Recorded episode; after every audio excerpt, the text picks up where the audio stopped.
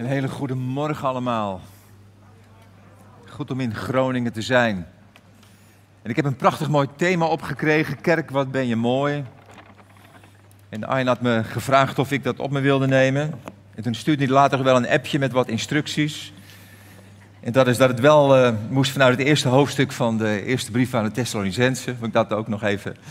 En of ik ook nog een link wilde leggen naar de bedieningenmarkt die daar, uh, die daar is dacht ik, oké, daarom ben je zeker weggegaan en heb je die preek zelf niet gehouden. Omdat je een hele toestand wordt allemaal te verbinden met elkaar. Ja.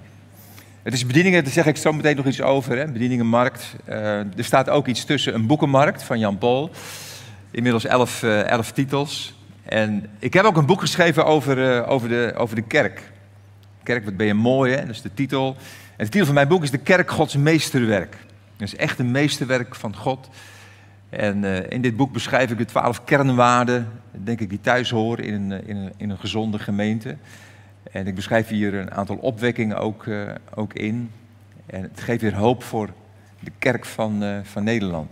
Is er iemand aan wie ik dit boek mag geven die zegt van, dat wil ik wel, wel ontvangen? Ja, die mevrouw die stak er hand. Ja, komt u maar. Ik heb een pinapparaat bij me, dus je kunt de afloop gewoon afrekenen. Met liefde. Goed. Uh, sinds kort ben ik ook in Bladen. Er is een nieuw blad uit, gewoon Papa, waar ik uh, aan meegewerkt heb in de redactie. Geweldig mooi blad vind ik het, is het geworden. Met interviews met, uh, met mensen uit de politiek, worship leaders. Een opa en een kleinzoon, Kees Goedhart en Julian Goedhart. ook een interview met een aantal voorhangers over generaties. artikelen van mij zitten erin. En als je twee boeken bij me koopt, dan geef ik deze gratis aan je mee. Voor Vaderdag, hè, heel mooi, vrouwen. Gewoon papa. Wie wil die hebben? Die vrouw wil het geven, ja, maar dan weet je man dat je hem, uh, dat je hem hebt. Dankjewel. Hey. Goed, dan gaan we lezen met elkaar. In uh, 1 Thessalonicense 1, vers 1 tot en met 10. Dat heb ik opgekregen, dus dat ga ik ook gewoon, uh, gewoon maar doen. En dan gaan we wel kijken wat er, wat er gebeurt. Uh, Thessalonicense, dat was een, een, gemeente die ontstaan is in de tweede zendingsreis van, uh, van Paulus. En uh, dat is een reis dat hij in Europa kwam en verschillende gebieden bezocht heeft. Hij heeft maar kort, Thessalonicense heeft hij bezocht, omdat er een stuk vervolging uitbrak. Zijn leven liep gevaar. Dus hij moest eigenlijk daar weer, weer wegvluchten en een groep gelovigen achterlatend. En daar maakte hij zich best ook ongerust om. Hoe zou het zijn met die, uh, met die gelovigen? Hij is daarna naar Athene gegaan en daarna weer verder gereisd naar Korinthe. En op een heeft hij een brief geschreven. En die brief, dat zullen we zien, is ongelooflijk positief, omdat hij hele goede berichten heeft gekregen over die nog heel jonge gemeente. Die bestond net, net twee jaar waarschijnlijk toen hij deze brief schreef. En dan schrijft hij het volgende, en ik lees hem voor in de Willibrod-vertaling, die vond ik prettig in dit stukje. Paulus, Silvanus en Timotheus aan de gemeente van Thessalonica, die toebehoort aan God de Vader en aan de Heer Jezus Christus. We wensen u Gods genade en vrede. We danken God altijd voor u allen wanneer we u in onze gebeden gedenken. En ten overstaan van onze God de Vader gaan onze gedachten dan voortdurend uit. En dit vond ik zo mooi, deze zin. Naar uw geloof dat uit uw daden blijkt. Naar uw onvermoeibare liefde en die onwrikbare hoop op onze Heer Jezus Christus. We weten, broeders en zusters, dat God u in zijn liefde heeft uitgekozen. Want de boodschap die u brachten bestond niet uit louter woorden. Nee, ze was geladen, ook zo'n mooie zin. Ze was geladen met de kracht van de Heilige Geest en gebaseerd op een vaste overtuiging. Trouwens, u weet zelf hoe we bij u optraden en hoe we uw belang op het oog hadden. En u op uw beurt bent in het voetspoor getreden van ons en van de Heer. Hoewel u veel tegenwerking ondervond, hebt u de boodschap aanvaard met vreugde die van de Heilige Geest komt. En zo bent u een voorbeeld geworden voor alle gelovigen in Macedonië, in Achaïe. En vanuit u plantte de boodschap van de Heer zich voort. Niet alleen in Macedonië en Achaïe, nee, overal is uw geloof in God de mensen ter oren gekomen. We hoeven erover niemand iets te vertellen. De mensen beginnen zelf over hoe we bij u ontvangen zijn. Ze vertellen dat u zich van de afgoden afgekeerd hebt naar de levende en ware God om Hem te dienen en om Hem te zien. Om uit te zien naar de terugkomst uit de hemel van zijn Zoon, die Hij uit de dood heeft opgewekt, naar Jezus die ons redt van het komende oordeel. Eén grote lofzang voor deze kerk. Echt waar. Dus één grote lofzang. is wel een hele bijzondere kerk geweest. Ik heb een aantal eigenschappen natuurlijk voorgelezen. Ik wil ze even nog eens benadrukken. Wat, wat hij zegt, hun, hun, hun, hun geloof dat uit hun daden bleek.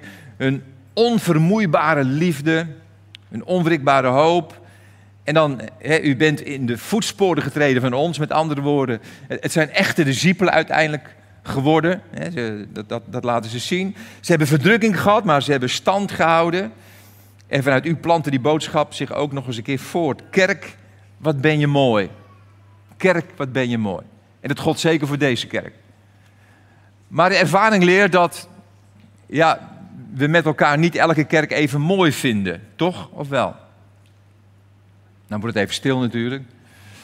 Ik heb in mijn leven een aantal kerken geleid. Nou, een aantal. Ik heb twee kerken geleid. Eentje mogen pionieren. En een grote kerk overgenomen uiteindelijk. Die mogen leiden. Maar ik heb in mijn 30 jaar, zeg maar, eh, dat ik voorganger ben geweest, heb ik, ik denk een kleine 20 kerken in crisissituatie eh, ja, mogen helpen. Ik weet niet of, het of, of ik het fijn vond, maar, maar het was best ingewikkeld. Echt kerken in diepe crisissituatie. En dan zie je wat voor lelijks er zeg maar, los kan komen, ook in de kerk. En kunnen we dan nog steeds zeggen met elkaar, kerk, wat ben je mooi. Ik zou eigenlijk even in de huid van Jezus willen kruipen. Wat, wat, wat, zou, wat zou Jezus zeggen tegen bijvoorbeeld de kerk van Nederland, waar ik straks wat cijfers over geef? Ik geloof dat Jezus nog steeds tegen de kerk zegt, hoe de toestand ook is. Kerk, wat ben je mooi. Kerk, wat ben je mooi. Het is zo belangrijk dat we met die ogen kijken naar de kerk. Mijn vrouw is een periode van haar leven ernstig ziek geweest. Ik heb haar zes maanden moeten verzorgen. Ze lag op een uh, hooglaagbed in de, in de woonkamer. En ik, sliep op een matrasje naast haar, omdat ze me s'nachts vaak nodig had. Het was een moeilijke periode waarin ze soms zo zwak was dat ik er eten moest geven. En ze vermagerde sterk. En e- eens in de week dan, dan nam ik haar mee naar de keuken en dan zette ik haar in een tijltje neer en dan waste ik haar helemaal en dan probeerde ik haar haar ook wat te wassen. En ze was sterk vermagerd en ja, gerimpeld eruit. En op een keer stond ze zo in dat tijltje met een verdrietig gezicht naar zichzelf te kijken. Zo van, wat stel ik nog voor? En toen zei ik tegen haar deze woorden. Ik zeg, lieverd, wat ben je ook een bloedmooi wijfie. En dan begon ze te huilen. En zegt ze, dat meen je niet. Ik zeg, ja, dat meen ik uit de grond van mijn hart. Je bent nog altijd mijn bloedmooie wijfie.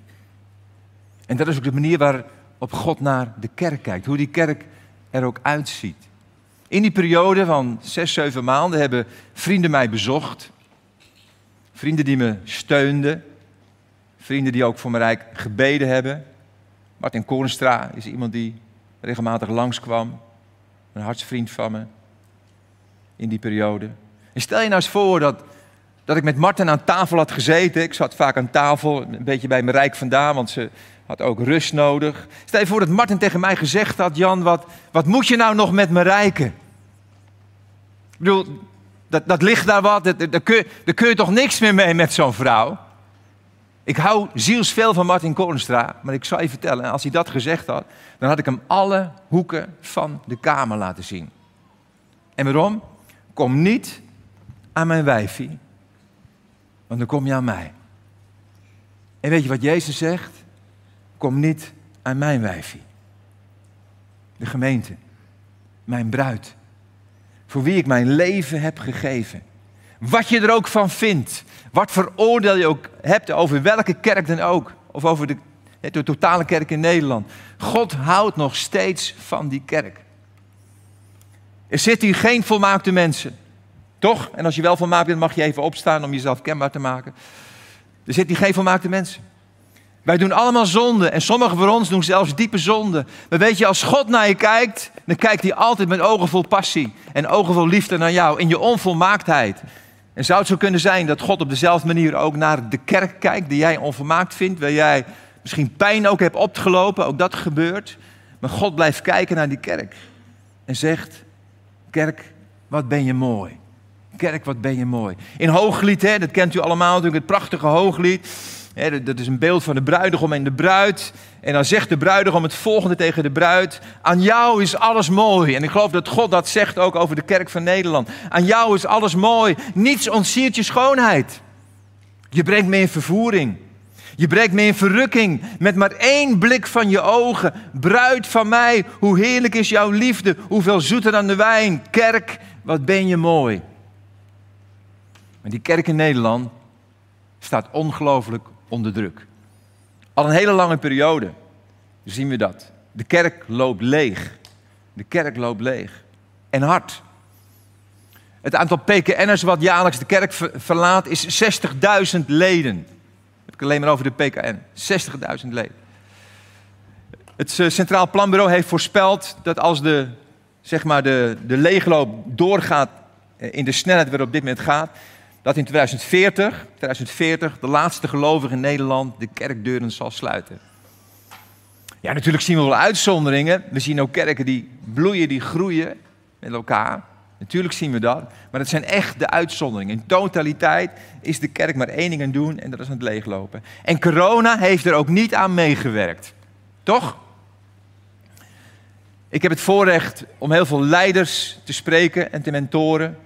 En elke leider die ik spreek, elke leider, misschien één of twee uitzonderingen, die zeggen: Jan, ik heb moeite om de kerk bij elkaar eh, te krijgen. Ik ben gewoon een vierde ben ik kwijt, of ik ben een derde van de mensen ben ik kwijt. Die komen niet meer op zondagochtend. Livestream heeft daaraan meegeholpen. Ik ben blij met livestream. Maar livestream heeft het leven ook wel erg makkelijk gemaakt voor ons, toch of niet? Je hoeft deze ochtend niet naar Jan Paul te luisteren, maar je kunt gewoon thuis op dit moment, kun je in bad liggen met een iPadje en dan kun je de beste sprekers van de wereld kun je binnenhalen op je iPadje. Je hoeft niet meer naar de kerk te gaan voor een goede spreker. Dat hoef je niet. Ja. Op je eigen momentje, die jij uitkiest, kun je heerlijk naar de meest geweldige sprekers kun je luisteren. Voor prachtige worship hoef je ook niet meer te gaan. Zelfs niet, ik vind deze band fantastisch trouwens, maar zelfs niet naar de Stadskerk Groningen hoef je te gaan. Je kunt 24 uur per dag de beste worship muziek kun je binnenhalen in je huiskamer. Ja, en je, je kunt helemaal opgaan in die tegenwoordigheid van God gewoon in je huiskamer. Waarom, waarom zou je nog naar de kerk gaan uiteindelijk? Nou, ik geloof om heel veel redenen. En ik hoop je weer warm te maken voor die kerk. Er zijn zoveel redenen om wel delen uit te maken van die kerk, om die kerk wel te bezoeken. Weet je, in, in, in de Bijbel, het Nieuwe Testament, wordt zoveel gesproken het woordje, over het woordje elkaar. Meer dan 60 keer wordt het woordje elkaar genoemd. Je kunt niet geloven in je eentje, in je huiskamer. We hebben elkaar heel duidelijk nodig om met elkaar dat lichaam van Christus te zijn. En ook de wereld heeft dat lichaam van Christus nodig. Wij zijn met elkaar de enige hoop voor deze wereld uiteindelijk. En ik geloof dat we het ongelooflijk belang van de kerk weer moeten inzien met elkaar. Er is zoveel nood om ons heen. Zoveel nood. In Nederland leven er meer dan 2 miljoen mensen met psychische problemen. 1,2 miljoen mensen slikken antidepressiva. 2 miljoen mensen in Nederland zijn aan iets verslaafd. Alcohol, gokken, drugsverslaving. 2 miljoen mensen. Hoeveel vrouwen er niet seksueel misbruikt zijn. En ook mannen. Ik ben zelf ook op mijn elfde seksueel misbruikt. We leven in een wereld waar, waar zoveel mensen gewond zijn, gekwetst zijn, in problemen zitten. En de kerk zou in deze tijd moeten opstaan als de hoop der heerlijkheid. En ik geloof dat de kerk van Nederland weer gaat opstaan. Geloof jij dat ook?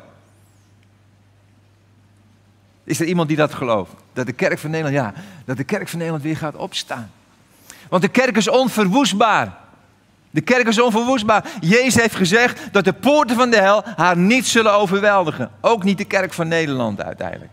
En Jezus blijft zeggen tegen deze kerk: Kerk, wat ben je mooi. Ik weet niet of het zo bedoeld heeft, de Oudstraat, wie het thema hebben uitgekozen. En misschien is het meer gedacht vanuit ons, dat wij zeggen: Kerk, wat ben je mooi. Maar ik wil het even naar het perspectief van God bekijken. God zegt opnieuw: tegen de kerk van Nederland en ook tegen jullie. Kerk, wat ben je mooi. In al je gebrekkigheid en al je onvermaaktheid. Maar wat ben je mooi. Nou, wat me raakt in het stukje aan, de, aan die brief aan de Thessalonicense was, ja, waren eigenlijk twee zinnen, maar die ene pak ik even eerst. Dat raakte me echt. Vers 8. Van u uit plantte de boodschap van de Heer zich voort. Niet alleen in Macedonië en Achaïe, nee, overal is uw geloof in God de mensen ter oren gekomen. Deze kerk deed wat zijn opdracht was en dat is een licht voor deze wereld zijn. Deze kerk schitterde. Deze kerk gaf de wereld inderdaad die hoop die ook Nederland zo ontzettend nodig heeft. En wij moeten ook weer een kerk zijn, weet je, die dat verkondigt. Die verkondigt uiteindelijk dat Jezus Christus de hoop der heerlijkheid is. Die de moed heeft om weer te getuigen. We zijn geroepen om door woord en daad uitdrukking te geven aan de liefde van God in deze wereld. En dat doen we allemaal op onze eigen manier. Ja, we zijn met elkaar lichaam van Christus. Dat vormen we met elkaar. Wij zijn zijn handen, ja, wij zijn zijn, zijn voeten, zijn benen, zijn mond, zijn oren. En allemaal hebben we ons plekje met elkaar. Paulus schrijft erover in Romeinen 12, zo mooi, vers 4. De BGT zegt, we geven allemaal met onze unieke gaven en talenten en bedieningen uiting aan het lichaam van Christus. Het lichaam is één geheel, maar het bestaat uit veel delen. En al die delen hebben een eigen functie. Net zo vormen wij samen één lichaam, want we horen allemaal bij Christus. Maar we hebben allemaal onze eigen functie. Want God heeft aan ieder van ons een bijzonder geschenk gegeven. Vandaar die bedieningenmarkt ook, die uitdrukking geeft deze ochtend aan de veelzijdigheid ook in deze gemeente. Waarin we allemaal onze eigen kleur laten zien en datgene wat wij toevoegen, bijdragen, om met elkaar lichaam van Christus te zijn. Opnieuw, kerk, wat ben je mooi. En jij en ik zijn geroepen om deel uit te maken van dat lichaam.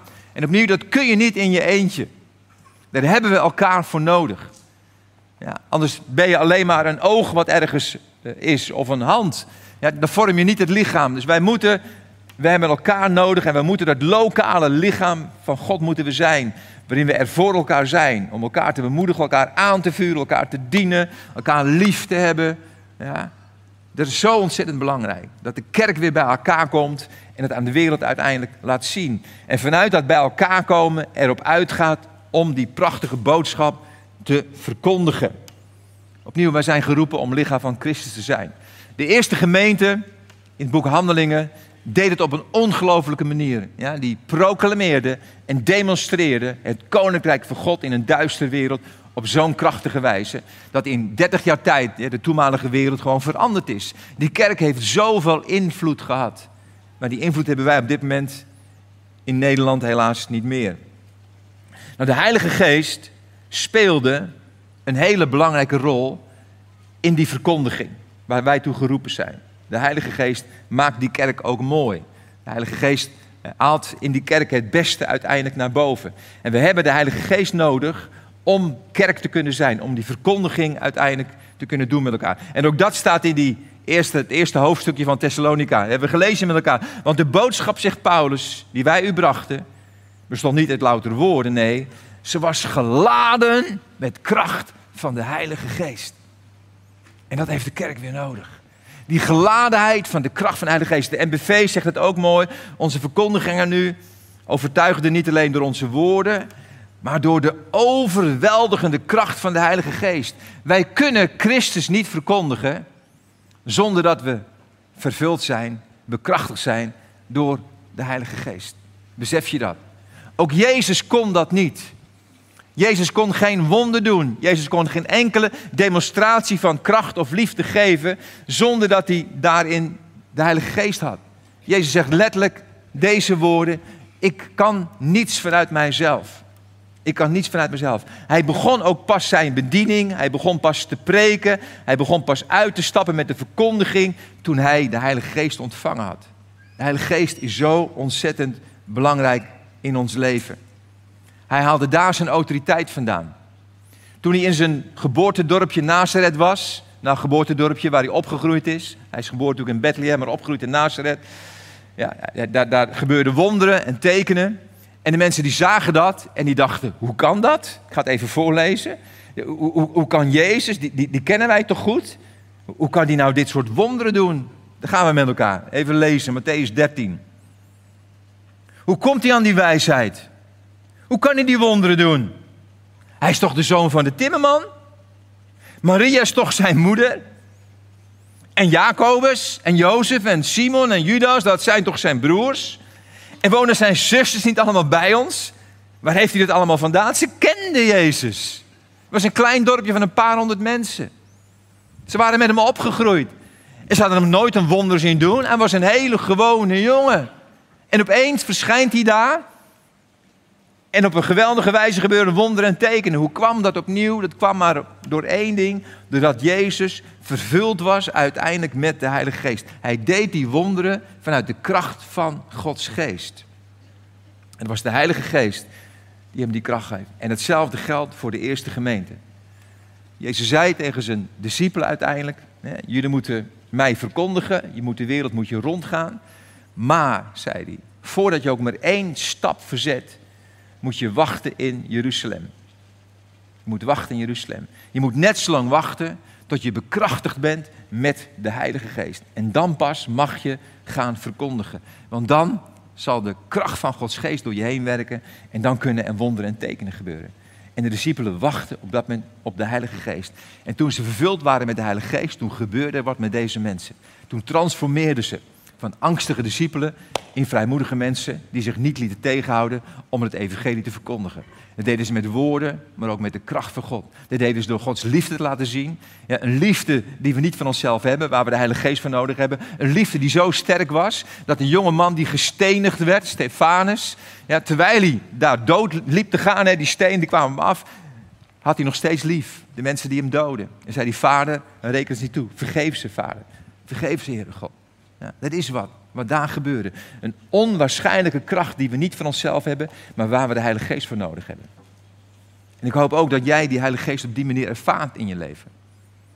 Er zijn mensen die zeggen, nou het zit bij mij wel goed Jan, ik heb de Heilige Geest ontvangen. En dan, dan weten ze nog het moment dat ze gedoopt zijn in de Heilige Geest. Maar het ontvangen van de Heilige Geest is niet een eenmalige ervaring. Dat was bij de discipelen ook niet zo. Ja, op Pinksterdag waren ze vervuld met de Heilige Geest. Geweldig. Ze waren bekracht door de Heilige Geest. Maar een aantal hoofdstukken verder zien we nog wat gebeuren. Er gebeurt een wonder door die kracht van de Heilige Geest. Johannes en Petrus, die genezen een verlamde. De fariseeën horen dat en ze worden gelijk gevangen genomen. En ze moeten voor het Sanhedrin verschijnen. En ze worden onder druk gezet, ze worden gemanipuleerd, ze worden geïntimideerd. Ze wordt gezegd, jullie mogen die Jezus niet meer prediken. En ze komen terug bij hun vrienden en ze vertellen wat er gebeurd is. En dan staat ze dat, dat ze gaan bidden met elkaar. En dan bidden ze om vrijmoedigheid. Heer, geef ons vrijmoedigheid. Om het evangelie te blijven prediken. En by the way, Heer, wilt u onze boodschap bevestigen door het doen van wonderen en tekenen. En dan staat er dat ze opnieuw vervuld werden met de Heilige Geest. De plek waar ze waren begon helemaal te schudden vanwege de beweging van de Heilige Geest. Paulus schrijft later in de Efezebrief het volgende. Hij zegt, word niet dronken van wijn, waarin losbandigheid is. En wijn staat voor alles wat in de wereld is. Alle verleidingen van de wereld, alle begeerten in de wereld zijn die aan ons trekken. Paulus zegt, word daar niet vol mee, maar word vervuld met de geest. In het Grieks moet je maar even om aannemen. Staat daar, wees steeds bezig om vervuld te worden met de geest. Met andere woorden, dat is een continue bezigheid. Een continue vraag. Heer, wilt u komen met uw Heilige Geest? En we hebben gewoon in dit land weer een nieuwe uitstorting van Gods Geest nodig. Echt waar. Dat is zo ongelooflijk nodig. Jaren terug begon ik daar al voor te bidden. Tien jaar geleden. Ik las in Trouw een groot artikel, twee pagina's groot, over de PKN, over toen al de leegloop een interview met de toenmalige scriba.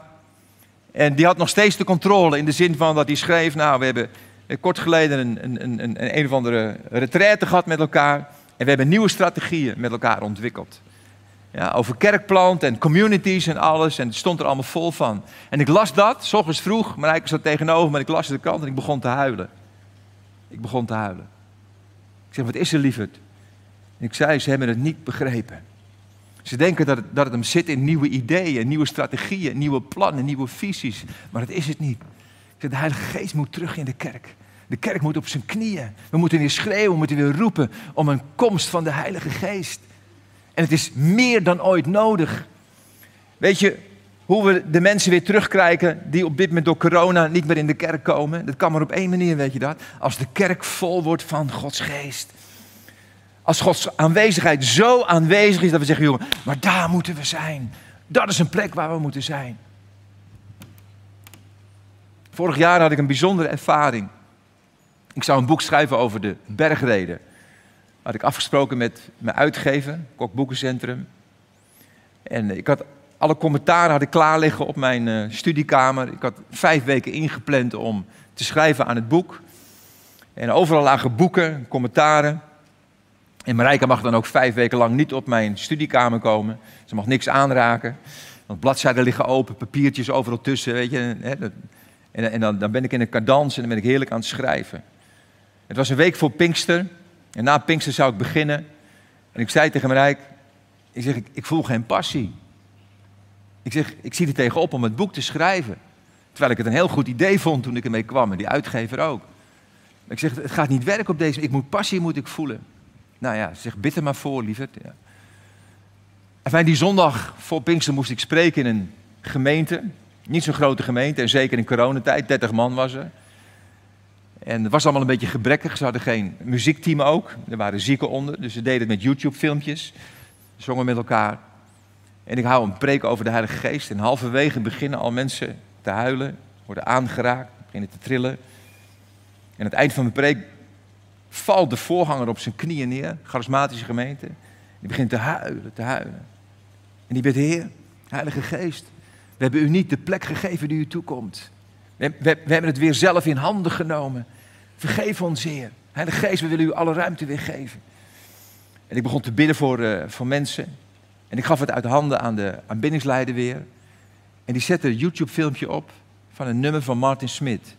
Come, Holy Spirit. Ik hoorde het voor het eerst. Bewust, ik zal het wel eerder gehoord hebben. Come, Holy Spirit. En het raakte me gigantisch. Come, Holy Spirit. Ik moest mijn, tranen wegduwen. En ik werd zo geraakt. Ik dronk nog snel een kopje koffie. En ik zei tegen de volgende, joh, ik moet weer weg. Ik stapte mijn auto in, pakte mijn iPhone en ik zette hem gelijk op een playlist. Ik moest 40 minuten rijden naar huis en ik heb 40 minuten lang alleen maar dat nummer gedraaid. Come Holy Spirit. Er is een schreeuw naar God in dat lied. Van Heer, uw kerk moet weer vol worden van de Heilige Geest. Het is dor geworden in ons midden. Heilige Geest, val opnieuw, kom opnieuw, vul uw kerk opnieuw. En ik huilde de hele weg, tranen stroomden over mijn wangen. En ik zong het op het laatst mee en ik schreeuwde het uit naar God. Heer, dat is wat we nodig hebben. En we komen de florenronde kom ik oprijden. Ja, God en ik, zo ervaar ik dat een beetje dan. De florenronde kom ik oprijden. En ik hoor de Heilige Geest zeggen, ik wil dat je een boek over mij schrijft. Dat je de kerk voorbereidt op een nieuwe opwekking. Want die opwekking gaat komen. Ja, schrijf een boek over het werk van de Heilige Geest. En uh, dat heb ik dus gedaan. Toen voelde ik passie. En ik ben in, na de Pinkster ben ik ben ik gaan schrijven. Ja. En ik, ik ben daar zelf zo door geraakt, door, door, door het schrijven van het boek. Ik heb heel veel opwekking opnieuw bestudeerd. En gekeken, wat, wat is het werk van de Heilige Geest daarin? Wat is de rol van gebed daarin? En ik kwam uiteindelijk uit op dit boek. De band mag naar voren komen. Ons land heeft dat zo nodig, een uitstorting van Gods Geest. En jullie zijn een mooie kerk, dat meen ik echt. Jullie, jullie, zijn, zijn, jullie zijn een van de uitzonderingen in Nederland waar, waar leven is, waar, waar groei is. Maar we zijn nog niet met elkaar, ook hier niet in de stadskerk, de kerk die we zien in handelingen, toch? Laten we eerlijk zijn met elkaar. Waar zoveel gebeurde, waar je, waar je gewoon heen moest gaan, omdat het een plek was die zo aantrekkelijk was, waar zo Gods kracht openbaar kwam. Waar je geen advertenties hoefde neer te zetten, maar waar het, waar het geluid gonsde in de steden, daar moet je zijn. Dat is een plek waar God is. Daarom staat er ook in die gemeente in handelingen. Dagelijks werden er mensen toegevoegd uiteindelijk aan die kerk. Waarom? Er was zoveel beweging van God, zoveel aanwezigheid van God uiteindelijk in die kerk. Nou, de vroege christenen hadden die boodschap goed begrepen. Ze wisten dat het was om in totale afhankelijkheid van de Heilige Geest te leven. En het stelde in staat om het koninkrijk van God ook krachtig te openbaren. Je mag op je keyboard wat spelen, ja, dankjewel. Maar in de tweede eeuw sloeg de kerk al een andere weg in. De kerk vond het belangrijker om vertrouwen te stellen in menselijk kunnen dan om geduldig te wachten op de Heilige Geest. De orde van de Geest werd vervangen door de orde van de mens. En de aanwezigheid van God, van zijn geest, verdween meer en meer uit de kerk. Gelukkig zijn er altijd momenten geweest in de, door de eeuwen heen in de kerkgeschiedenis dat er opwekkingen waren. Omdat er christenen waren die zich bewust werden, jongens, maar dit is niet zoals God het bedoeld heeft. En die gingen op hun knieën en die gingen bidden. En er kwamen er opwekkingen, bewegingen van Gods geest. En toen ik hiermee bezig was voor mijn boek, kwam ik een opwekking tegen in de 19e eeuw. In het kleine dorpje Mortlingen in Duitsland, 500 inwoners. Een heel klein dorpje. En die opwekking, die beweging van Gods geest, die veroorzaakte een schokgolf door het hele land uit. Duizenden, duizenden mensen trokken naar het dorpje toe. Omdat ze hoorden dat God daar was. Dat God er was met bevrijding. Dat God er was met genezing. Dat God er was met vernieuwing. En zoveel mensen zijn daar tot geloof gekomen. En die kerk werd geleid door een hele eenvoudige dominee. Dominee Bloemhart. Dominee Bloemhart die werd geconfronteerd met een jonge vrouw in zijn kerk... die door demonen bezeten was. En hij zei, ik had alles geleerd in mijn theologieopleiding...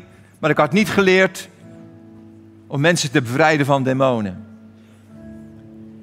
En het frustreerde hem zo. En toen is hij gaan bidden. In het besef, Heilige Geest, u moet komen. Wilt u gaan staan?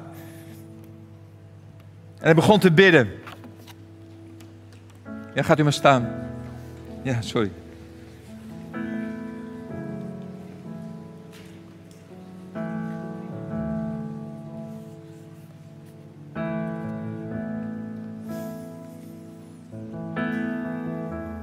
Ik lees wat stukken eruit voor. Overal in Muttelingen schoten huissamenkomsten als paddenstoelen uit de grond. Het opwekkingsvuur greep ook om zich heen onder de kinderen. Ze begonnen eigen bidstonden. En Muttelingen kwam in het middelpunt van de belangstelling te staan. De dorpskerk werd veel te klein. Honderden mensen zaten soms op klapstoeltjes op het kerkhof rondom het kerkje. En Bloemhart schreeuwde zijn keel schor om al die honderden buiten de kerk te kunnen bereiken. Menige zondag preekt hij op deze manier vier keer achter elkaar. Vele tienduizenden reisden naar het dorpje speciaal om God te ontmoeten, om hun zonde te beleiden en om persoonlijke geestelijke vernieuwing, genezing en bevrijding te vinden. Deze opwekking ontstond door een ontevredenheid in het hart van dominee Bloemhart over de status quo van de spiritualiteit van hemzelf en de kerk. En hij zei: Ik verlang naar een nieuwe uitstorting van de Heilige Geest. Een nieuw Pinksterfeest. Die moet komen. Zodat er iets kan veranderen in de christenheid. En dat is ook mijn gebed. Ik hoop ook jouw gebed. Wat dominee Bloemhart hier bidt. Die moet komen. Dat er iets kan veranderen in de christenheid. Want het kan in deze miserabele toestand niet langer doorgaan. De gaven en de krachten van de vroegchristelijke tijd. Oh, hoe verlang ik ernaar, zegt dominee Bloemhart en zegt Jan Paul, dat die wederkeren. Ik geloof dat de Verlosser gewoon staat te wachten tot we erom vragen. Als ik kijk naar wat we hebben, moet ik zuchten. Oh Heer Jezus, is dat de beloofde geest waarvoor u aan het hout hing? Waar is de geest die natie na natie doordringt met dezelfde vaart als in de tijd van de apostelen? En dan eindig ik mijn boek met het volgende. Het is mijn gebed dat er in de kerk van Nederland ook zo'n ontevredenheid over de status quo van de kerk komt. En dat wij het net als dominee Bloemhart gaan uitroepen naar God. Het is niet overdreven om te zeggen dat de toekomst van de wereld in handen ligt van lokale kerken. De enige echte hoop die de wereld heeft is Christus in ons en de Heilige Geest die door ons heen werkt. Daarom hebben we het zo nodig om vol te zijn van Gods Geest. Kom, o Heilige Geest, zullen onze handen uitstrekken naar de hemel. Kom, o Heilige Geest. O Heer. We roepen u aan, Heer, op dit moment, Heer. We bidden u, Heer, of u uw kerk weer wilt oprichten, Heer. We bidden Heer, of u nieuwe uitstorting van uw geest wilt geven in ons land, Heer. We bidden, Heer, dat overal in Nederland, Heer, in kerken, er knielende mensen zullen zijn, Heer. Biddende mensen zullen zijn, Heer. Die het net als dominee Bloemhart, Heer, zullen uitschreeuwen naar u, Heer. Omdat het zo niet langer kan, Heer. Die dorheid in het land, Heer. Heer, deze wereld, Heer, heeft de hoop nodig, Heer. Heeft Christus nodig, Heer. Heeft die verkondiging nodig. En die verkondiging kunnen we alleen maar waarmaken als wij, als kerk, vol zijn met uw Heilige Geest, Heer. En ik bid zo voor de Stadskerk, Heer. Heer, ik bid zo, Heer, dat dit een plek zal zijn, Heer. Waar zoveel aanwezigheid van uw geest zal zijn, Heer. Waar uw kracht, Heer, zo zal doorwerken, Heer. Dat er over gesproken zal worden in dit land, Heer. Dat mensen zullen reizen naar deze plek, Heer. Omdat ze weten, hier zal ik genezing ontvangen. Hier vind ik bevrijding. Hier vind ik vernieuwing, Heer. Ik bid dat mensen in deze kerk, Heer, zo vol van uw geest zijn, Heer. Dat op de werkplek, Heer, er wonderen gebeuren, Heer. En genezingen gaan plaatsvinden, Heer. Heer, wilt u de kerk weer in vuur en vlam zetten, Heer. Want dit land, Heer, heeft een opwekking nodig. Dat bid ik zo. In Jezus' naam. Amen. Amen. Geef God een applaus.